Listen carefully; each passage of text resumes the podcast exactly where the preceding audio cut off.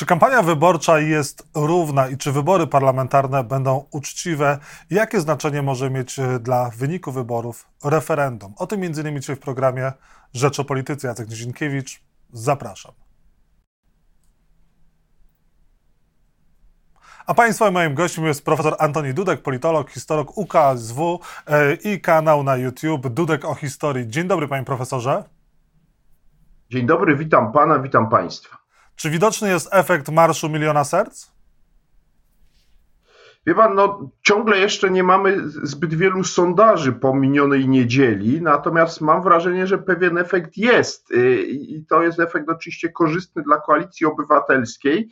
Natomiast dla mnie najistotniejsze jest pytanie, czyim kosztem będzie ten efekt? Czy to będzie kosztem niezdecydowanych wyborców, bo wtedy to miało sens, czy to będzie kosztem trzeciej drogi? Wtedy się może okazać, że każdy procent zdobyty przez koalicję obywatelską za sprawą niedzielnego marszu no, będzie katastrofą dla trzeciej drogi, a w ten sposób dla całej opozycji. Ale to mówię, tego się dowiemy tak naprawdę dopiero 15 października, czy właśnie po 15 października, nawet wtedy będzie się toczył spór, e, e, kto za co ponosi odpowiedzialność, jeśli oczywiście PiS wygra, bo to nie jest przesądzone moim, moim zdaniem w tej chwili. Czyli opozycja ma szansę przejąć władzę. Nie jest tak, że klamka zapadła i sondaże, które utrzymują się e, na korzystnym pułapie dla Prawa i Sprawiedliwości, pokazują, że Prawo i Sprawiedliwość wygrywa i może wygrać wybory. Czyli opozycja ma szansę w dalszym ciągu.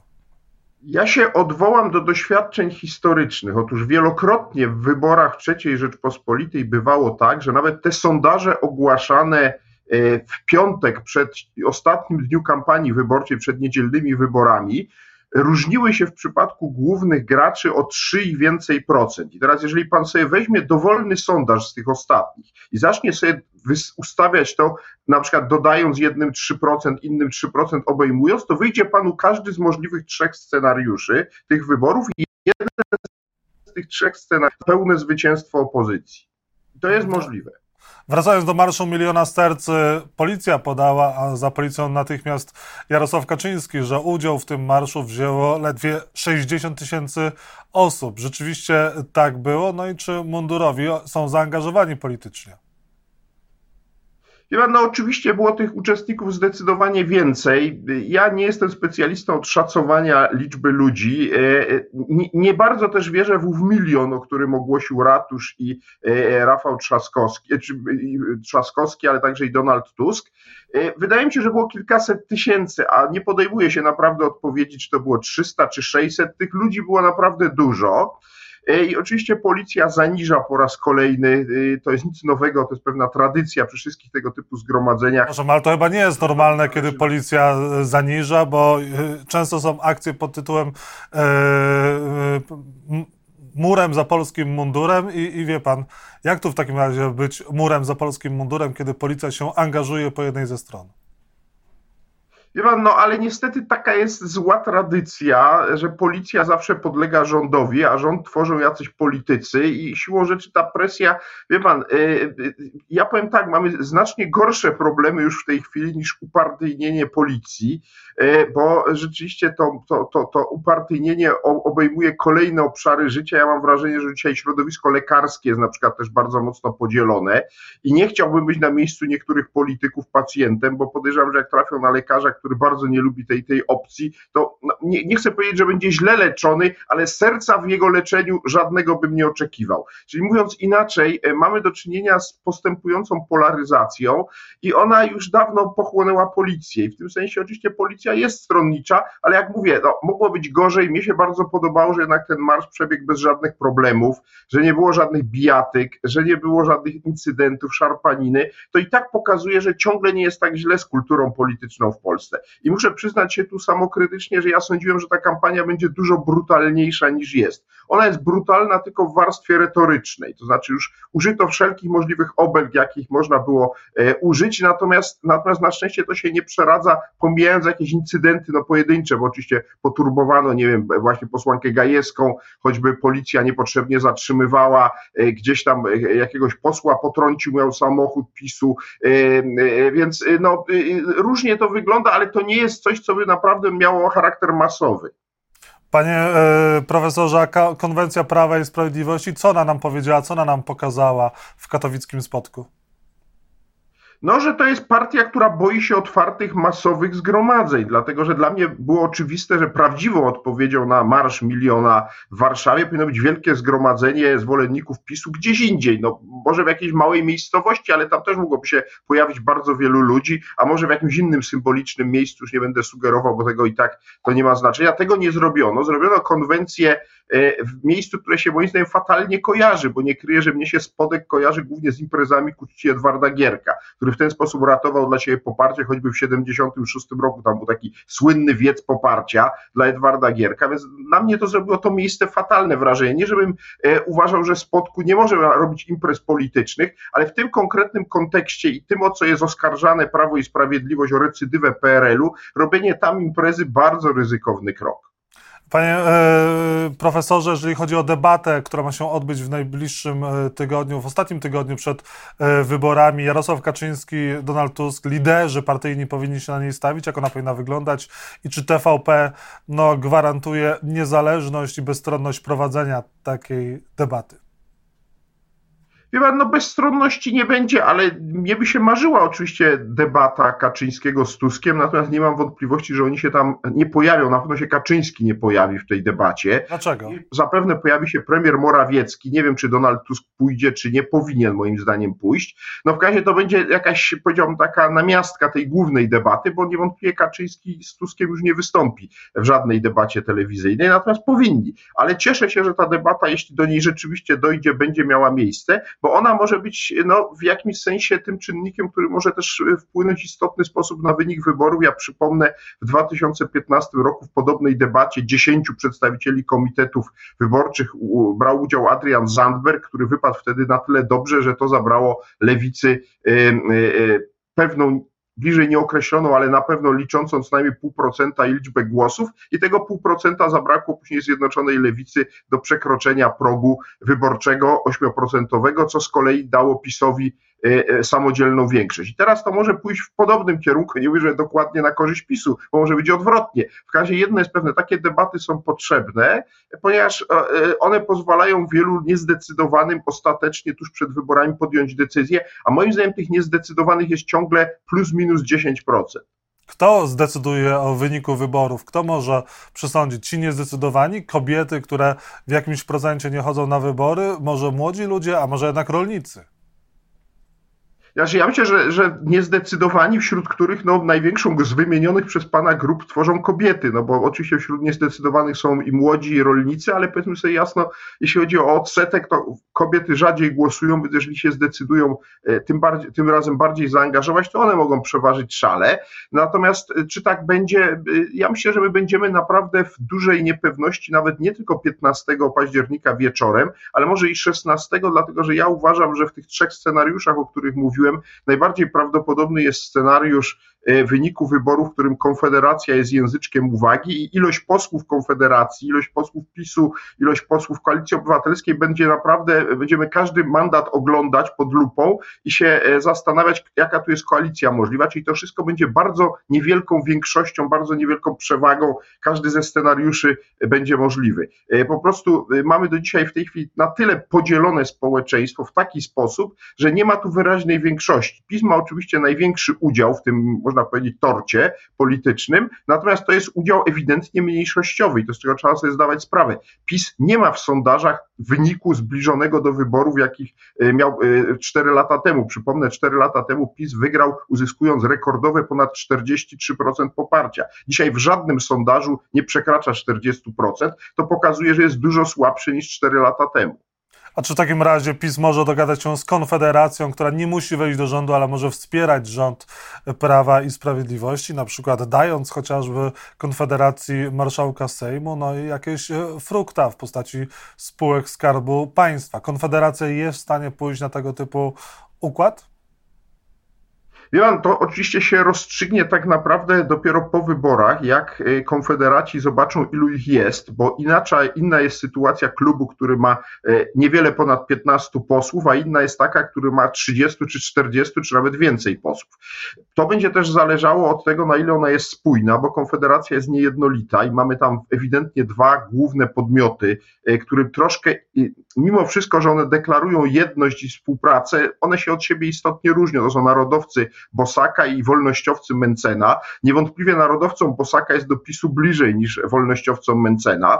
Jest pytanie, czy Konfederacja wytrzyma właśnie takie oferty ze strony PiSu i nie pęknie wewnętrznie. Natomiast gdyby rzeczywiście myślała długofalowo, to oczywiście w ich interesie nie jest wchodzenie do rządu, ani pisowskiego, ani antypisowskiego, natomiast jest w ich interesie stanie się takim sędzią, arbitrem, języczkiem uwagi, czyli kimś, kto umożliwi powstanie rządu mniejszościowego, ale zarówno to jest możliwe rządu pisowskiego, jak i antypisowskiego i bycie takim recenzentem i czekanie na odpowiedni moment, w którym można już e, e, wystawić negatywną recenzję i w ten sposób doprowadzić do jakiegoś przesilenia być może przedterminowych wyborów, ale z całą pewnością nie po kilku tygodniach, bo to by nie miało sensu, tylko na przykład e, w okolicach wyborów prezydenckich w 2025 roku.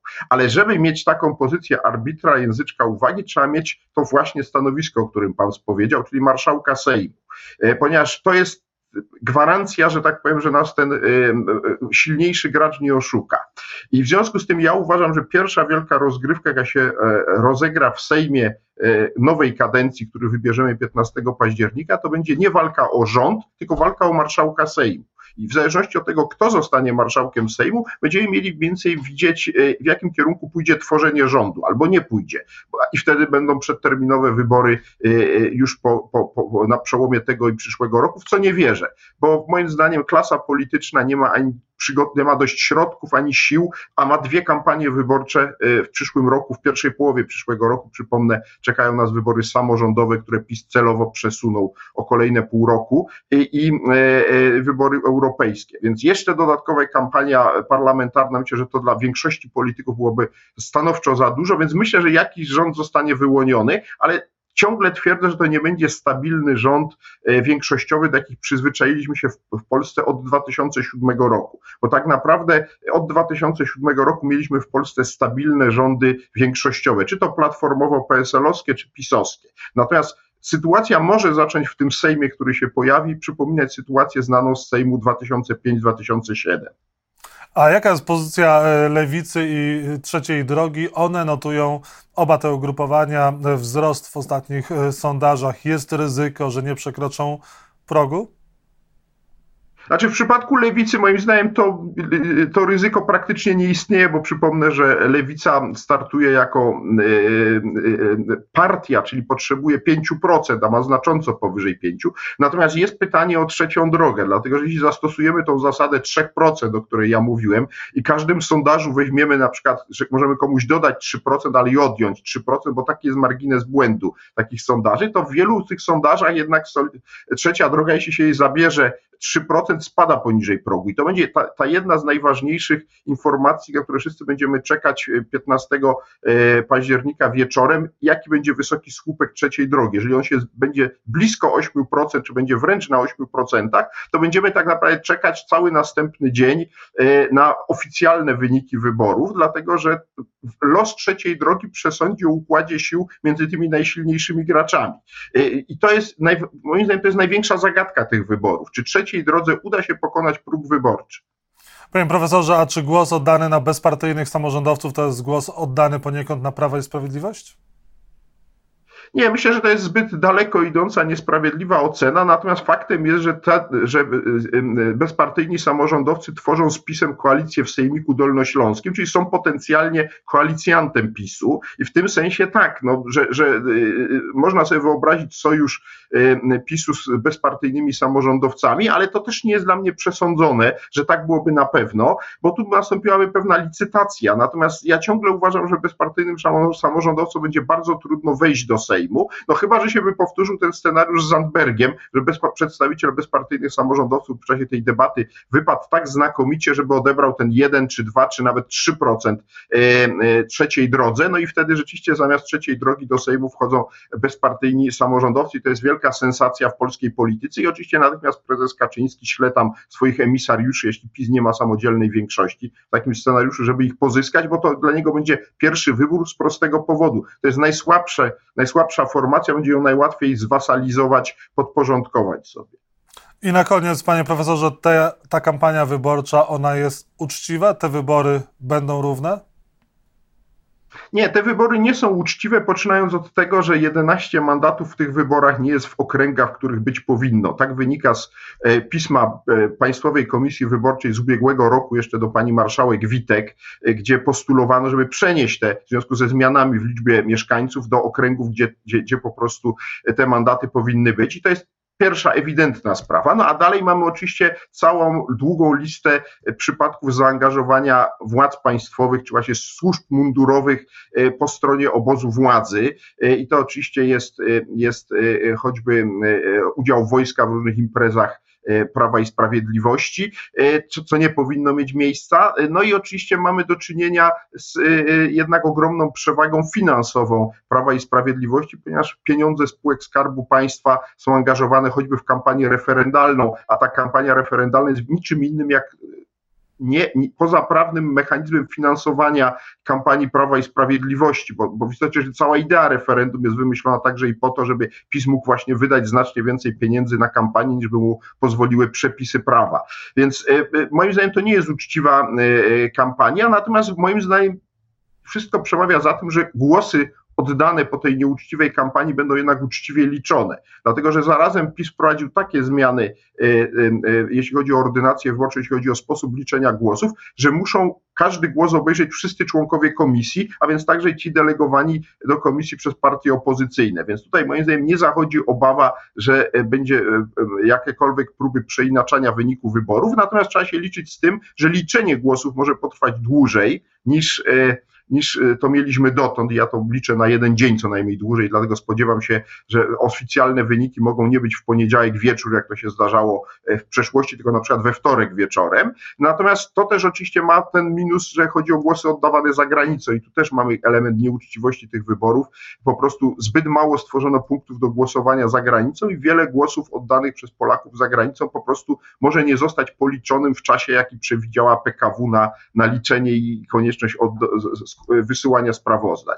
I to też zresztą w ogóle może opóźnić wynik wyborów, bo, bo nie wiem, jaka będzie ostateczna decyzja PKW. No i wreszcie jest jeszcze jeden element związany z listami wyborczych. Jest y, list grupy specjalistów prawa wyborczego do, do Państwowej Komisji Wyborczej, który ja popieram, z postulatem, żeby były dwa odrębne spisy wyborców. Obawiam się, że PKW e, niestety tego nie, nie skorzysta. Jeden spis wyborców powinien być dotyczyć wyborów do parlamentu, a drugi referendum. I tak naprawdę każdy z nas, idąc do obwodu wyborczego, powinien podchodzić do jednego członka komisji i tam otrzymywać karty do Sejmu i Senatu, a później do drugiego i tam otrzymywać kartę do referendum. I to by dało pełną że tak powiem, wolność wyboru. Tymczasem wygląda na to, że jednak będzie się brało wszystkie trzy karty od jednego urzędnika, e, czy od jednego członka komisji wyborczej, a to w praktyce oznacza, że w małych miejscowościach ludzie będą jasno się deklarowali, czy są zapisem, czy przeciwko, bo jeżeli ktoś weźmie trzy karty a nie dwie, to jest jasne, że y, no, bierze udział w pisowskim referendum, bo to nie jest, powtórzę to stanowczo, to nie jest referendum normalne, które jest oparte na jakimś kompromisie politycznym, to jest referendum narzucone przez PiS, wymyślone po to, żeby właśnie postawić wielu ludzi w niewygodnej sytuacji i finansować kampanię y, dodatkowymi środkami. Postawił kropkę profesor Antoni Dudek. Bardzo dziękuję panie profesorze za rozmowę. Profesor dziękuję. Antoni Dudek, historyk, politolog UKSW. E, Dudek e, o historii. Zapraszamy na kanał na YouTubie profesora. Był państwa i moim gościem. Dobrego dnia panie profesorze. Dziękuję, pozdrawiam. W tym tygodniu, w ten weekend nowa premiera na moim kanale. Pozdrawiam. Pozdrawiamy, zapraszamy. Wszystkiego dobrego.